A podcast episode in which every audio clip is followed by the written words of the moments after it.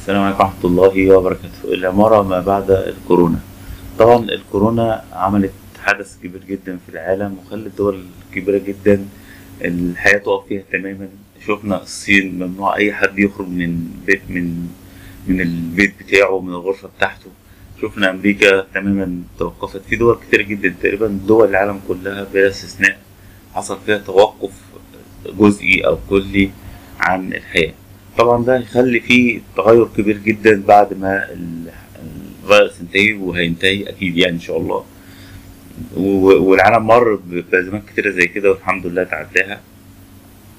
بعد ما الفيروس ده يتم السيطرة عليه والتعامل معاه أكيد الناس هتتغير طريقة الحياة معاهم. يعني على سبيل المثال آه، الناس بدأت تفكر آه، طب ما ممكن الواحد يشتغل من البيت ليه إحنا نقعد نروح للشغل وليه نضيع ساعتين ثلاثة في المواصلات وليه الاجتماعات تبقى بالشكل دوت؟ ليه ما تتمش من خلال الفيديو كول؟ ممكن ان إحنا نبقى قاعدين كل واحد قاعد في المكتب بتاعه مش لازم كل واحد يروح في ده.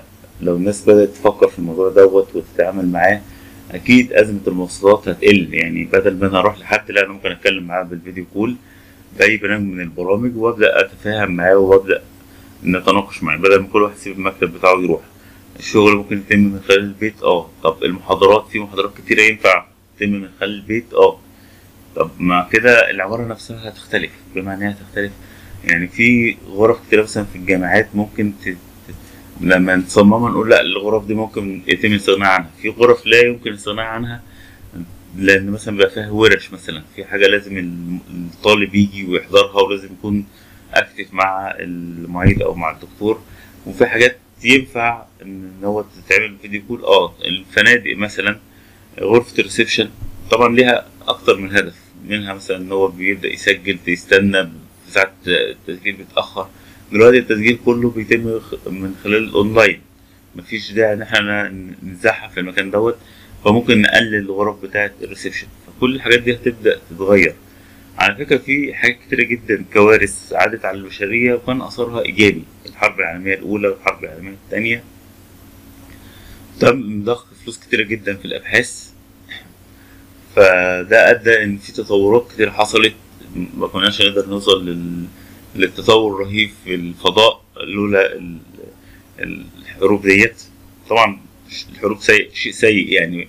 زي زي الفيروسات زي زي. الفيضانات والزلازل بس كان في اثر إيجابي إن في فلوس اتدفعت في الأبحاث وفي فيروسات كتيرة مرت على البشرية زي الإنفلونزا الإسبانية مثلا. بدأوا الناس يعملوا دراسات بدأوا الناس يخترعوا حاجات. فالعمارة هتختلف إن شاء الله تماما يعني لما يجي حد يصمم آه لأ خلي بالك من النقطة دي لأ إحنا ممكن نصغر دي لأ ممكن نكبر دي.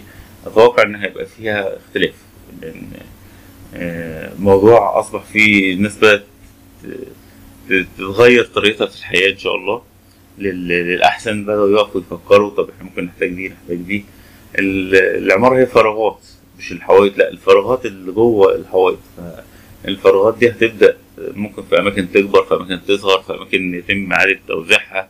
ممكن مثلا يعني لما تحصل أزمة بيقول لك طب إحنا مثلا إيه لا إحنا محتاجين في احتمال يحصل حرب مثلا لا قدر الله فمحتاجين أي حد يصمم حاجة يعمل مثلا مكان تحت البيت فبدأت العمارة تختلف نتيجة الحروب.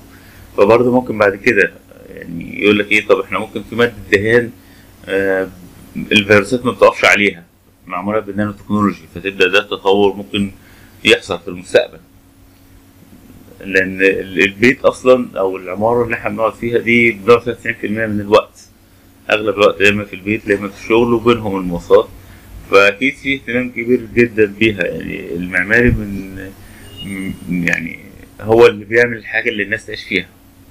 والله جعل لكم من بيوتكم سكنا وربنا بيقول هو أنشأكم من الأرض واستعمركم فيها.